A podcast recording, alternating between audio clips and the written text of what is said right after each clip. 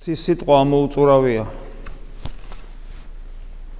2000 წელი ქადაგებს ეკლესია. და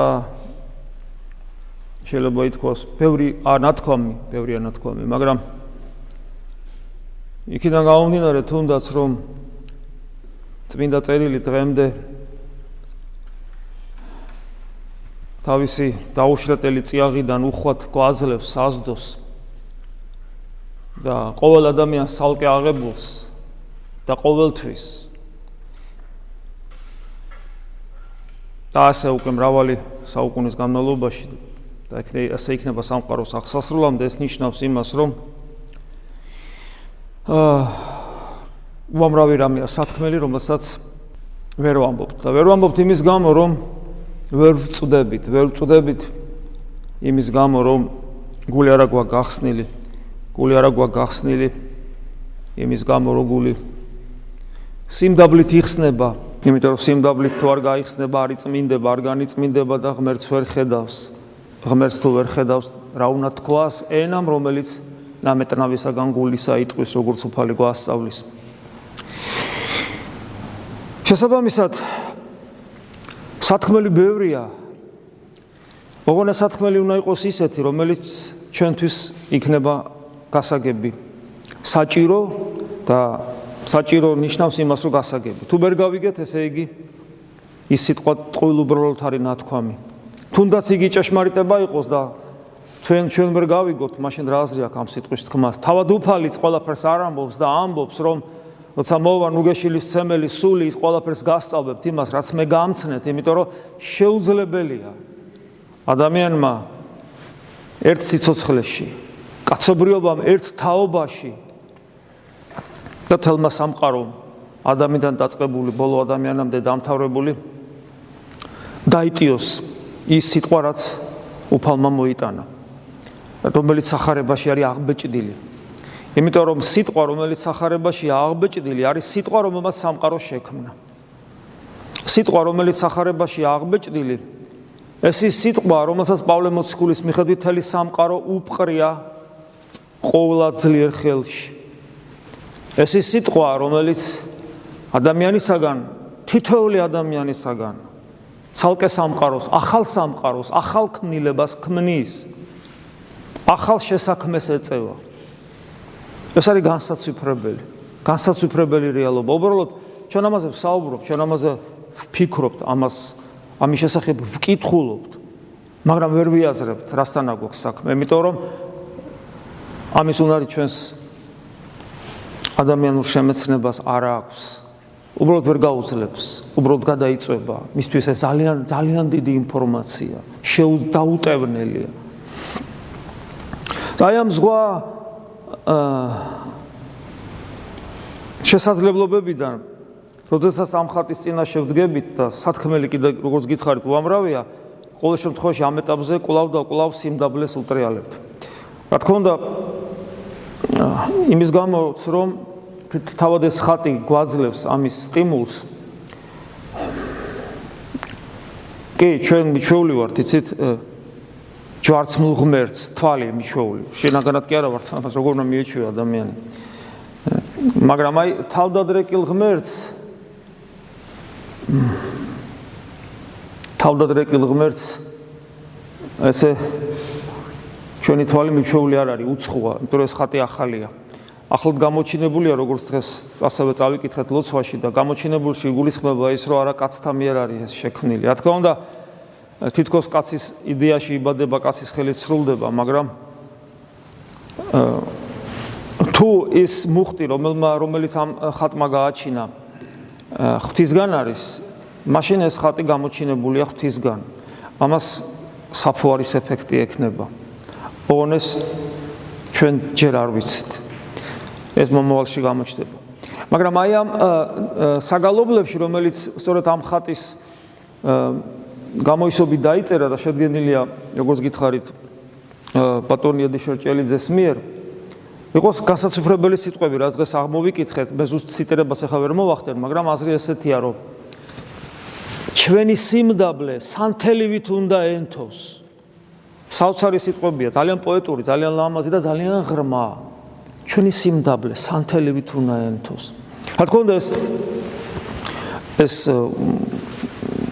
გამოძახილია სახარების სეული სიტყვებისა, რომ იყავით ნათელი ამას სოფლისა და ისე უნდა წინავდეს ნათელი თქვენი წინაშე კაცთა, რომ ადამიანები ხედავდნენ ამას და ღმერთს ადიდებდნენ და თავად ეძებდნენ. და ეს სინათლე, სინათლე სიმდაბლეა და სიმდაბლე უნდა ანათებდეს ვითარცა სანთელი. ანუ ჩვენი სიმდაბლე უნდა ანთებული იყოს როგორც სანთელი. ანუ სინათლე, რომელიც ახარებაშია მოხსენებული სიმდაბლეს უკავშირდება, ეს ბუნებრივიც არის, იმიტომ რომ ეს სინათლე საფრთხო ენერგიაა. ეს სინათლე, რადგან საფრთხო ენერგიაა, ანუ სიყვარულის ნათელია და სიყვარული კიდე როგორც პავლე მოციქული ამბობს, სიყვარული არასადა დავარდების თავის საოცარ ჰიმში სიყვარულისა და მამები განმარტავენ, რომ სიყვარული არასადა დავარდების ადრეს მithქვავს, ნიშნავს იმას, რომ იგი ყველაზე დაბლაა. შესაბამისად იგი სიმდაბლეა. ანუ სიყვარული, სიმდაბლე, უქმნელი იგივე შეუქმნელი ნათელი. ეს ყველაფერი საფრთხო ენერგიებია. პერდეიგივია, სინონიმებია საფრთხისმეტყველო. როცა საუბარია სიმდაბლეზე, ფსიქოლოგიურ რაღაც მოხერხებულობაზე კი არ არის ლაპარაკი, როცა ადამიანი ნების ყოფის ძალით რაღაც თვისებებს შეიძენს და რაღაც თვისებებს აალაგმავს. არამედ ეს არის ჩვენში საფრთხო ენერგიის ეს სპეციალურად ვამბობ, ხრა არა მადლს, რომელსაც ჩვენი ყური მიეჩვია, ამ საოცარ სიტყვას, მადლი ხო, მადლიერებას უკავშირდება, საოცარი სიტყვაა, ხო, ტკბილი, თბილი, მაგრამ ჩვენი გაუხეშებული ყურისათვის რაღაც თითქოს უკვე აღარს კი გძნობთ ეს ის წულილი ნიავია რომელიც ელია მიგზნო და ელიასებური გული უნდა ქონოდა ადამიანს ეს წულილი ნიავი ეგრძნო ღმერთი ამ წულილი ნიავში ამიტომ ჩვენი ყურები ამ ვერ გძნობს და აი ენერგიას ამ სიტყვას გძნობთ და ენერგია და მადლი სინონიმებია. და მადლი არის საფრთხო ენერგია. თუნდაც აქედან ჩანს ეს ადამიანებს ვახთხობ მე ახალმოსულებს კომპლექსი რომ აი მამაო რა ვიცი სულიერი ცხოვრება მინდა დავიწყო და აი რომ თავი თავს რომ დავიმდაბლებ მე მე ზოგი ამბობს დავიჩაგრები ზოგი ამბობს ვიჩაგრები. ენერგია რა უნდა დაიჩაგრო? ენერგიას იღებ ღმერთისას და როგორ უნდა დაიჩაგრო? როგორ? აი როგორ უნდა დაიჩაგროს ადამიანი რომელშიც საღვთო ენერგია არის? რას მეტად სიმდაბალია მით მით მეტი ენერგიაა შეგნით რას ნიშნავს დაიჩაგრები კი არ დაიჩაგრები ქრისტეს გზას გადიხარ. და ქრისტეს გზის გავლა დაჩაგვრა ვიწრო და ეკლიან გზაზე სიარული დაჩაგვრა იწრო კარებში რომელსაც ბევრი ეძება და ცოტანი პოულობენ დაჩაგვრა გამახსენდა დავით აღმაშენებელი. დავით აღმაშენებელი არ იყო მდაბალი. დავით მეფსალმუნე არ იყო მდაბალი. ჩვენ ვიცნობთ ისეთ კაცს რომელიც უფრო მაგარი კაცია ვიდრე დავით აღმაშენებელი და დგინა დავით მეფსალმუნე. მაგრამ რომელია ასევე ვიცნობთ კაცს რომელიც მათზე უფრო თავდაბალია. ჩვენში, ჩვენში ხედავთ რა რა საოცარი რამ არის ეს. ჩვენ არ გვესმის ქრისტიანობა, ვერ გძნობთ და ვერ განვიცდით.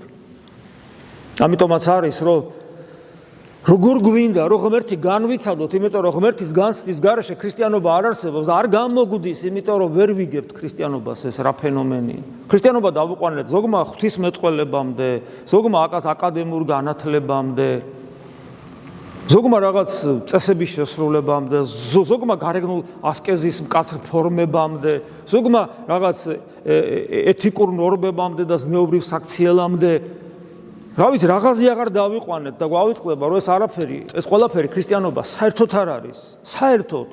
მე არა ვარ ტანსაცმელი. მე ადამიანი არა ვარ ტანსაცმელი. ქრისტიანობა იესო ქრისტეა ჩვენში ცოცხალი როგორც ღმერთი. და ჩვენი ნება და ჩვენი გული ჩვენი სიცოცხლე და იდეაში იდეაში რადგან ჩვენი გული, ჩვენი ენაც და ჩვენი თვალიც და ჩვენი ტვინიც და ჩვენი ხელების მისთვის დათმობილია, როგორც სულმონახალი ღვთისმოწყალე ზიარების მერე შევიდოდა შედიოდა და ამბობდა ეს ღმერთის ხელი, საკუთარ თავს უყურებ. ეს ღმერთის ხელია. და არ არის ესე? თქვენ სისხლში არ არის ქრისტეს სისხლი? აი ამ ეს გვაკლია ჩვენ. აი ეს ეს რეალობა გვაკლია ჩვენ. და თუ ვინმეს გონია რომ ეს რეალობა მასში უკვე არსებობს. ხილათ იყოს იმიტომ რომ თუ ეს რეალობა ჩვენში არსებობს ჩვენ ქრისტეს უნდა გავდეთ ჩვენი ცხოვრების წესით რომელიც უპირველეს ყოვლისა ადამიანთან ურთიერთობაში ვლინდებ ადამიანთან ურთიერთობაში ვლინდება სიყვარული თქო სიყვარული ტკბილი ნამცხვარებით კი არ არის. აი როგორიც ქრისტია ეგეთია რა არის სიყვარული აი ისო ყოველას ეფერო ყოველას თავზე ხელი გადავსო ყოველას კუდი უკიცინო აი რა არის სიყვარული? რა არის სიმდაბლე? აი ყოველასთან ესე იყო ეს რა არის ეს? იესო ქრისტეა სიმდაბლე იესო ქრისტეა სიყვარული და ვიკითხოთ სახარება და დავინახავთ რა არის სიყვარული და რა არის სიმდაბლე. და სხვათა შორის ის წმინდა მამებიც ვიკითხოთ რომლებმაც დიდი წარმატებას მიაღწიათ, მიაღწია სამსაქმეში. იოანე ნათლისმცემელზე ვაშკაცი რომელი ვარ? იოანე ნათლისმცემელი სიყვარულისა და სიმბაბლის განსახიერება. პავლე მოციქულის, ნებისმიერი მოციქულები, იოანე ოქროპირი გამახსენდა. რა, გმირი არ არის? იოანე ოქროპირი. და ის არის სიმბაბლის და სიყვარულის გამოხატულება. ასე რომ პირველი რაც ჩვენ გვაკლია არის აა გაგება ქრისტიანობისა, განცდა ქრისტიანობისა და ეს ყველა ყველაფრის საზომად სამთელივით რო უნდა ენთოს ჩვენ ცნობიერებაში ეს არის სიმდაბლე. რომ მე ჩვენს ანთებულნი აღმოვჩნდეთ. უბრალოდ ჩვენი სიმდაბლეს ასე სამთელივით იყოს ანთებული. ის ناقოფებს გამოიღებს საოცარს. საქართველოში საქართველოში სადაც ჯერ კიდევ ჯერ კიდევ ცოცხლობს ის სული და ის გული რომელთა წინაპრებიც ქრისტესათვის ყვდებოდნენ და აქ შესაბამისად ეს ასნიშნავს, ახლა ქრისტესათვის ყვდებოდნენ. აი შვილი ხო გიყვარს და შვილი შვილი ხო გიყვარს და ემი შვილი ხო გიყვარს და აი რომ მოკვდები, შენი თაობა ხო გაგზელდება და მაინც გიყვარს კიდე იმის მერე ვინც იშვება და ვინც იშვება და შენ თუ კადნიერება მოგეცა ღვთისწინაშე შენ შეიძლება რომ შენი პატარა პაწაწინა ესე იგი შთამომავალზე არილოცო და არიზრუნ. ანუ ისინი ლოცულობენ და მეოხე არიან ჩვენ ესე და გველოდებიან როგორც პავლე მოციქული ამბობს. გველოდებიან სანამ ყველანი მათთან არ შევიკრიბებით ამიტომ სანამ ჩვენში ეს მუხტი ცოცხლობს სანამ ჩვენ ჩვენს ხელი არ ჩაუქნევიათ ჩვენ წინაპრებს. სანამ ჩვენში გარკვეული ჯერ კიდევ ნასახი ნასახი ნასახი რაღაც ნაშთი დარჩენილია ქრისტიანული კულტურისა მოვასწროთ რომ ჩვენი თავების გადავარჩინოთ და ავენთოთ როგორც სანთელნი სიმდაბლისანი, რომ ჩვენს გარშემო უამრავ ადამიანს იესო ქრისტე დავანახოთ როგორც განკაცებული ღმერთი, განხორციელებული სიყვარული და განხორციელებული სიმდაბლე. ამინ. მადლი უფლისა ჩვენისა იესო ქრისტეს და სიყვარული ღვთისა და მამისა და ზიარება სული საწმინდისა იყოს თქვენ ყოველთა თანა. ამინ.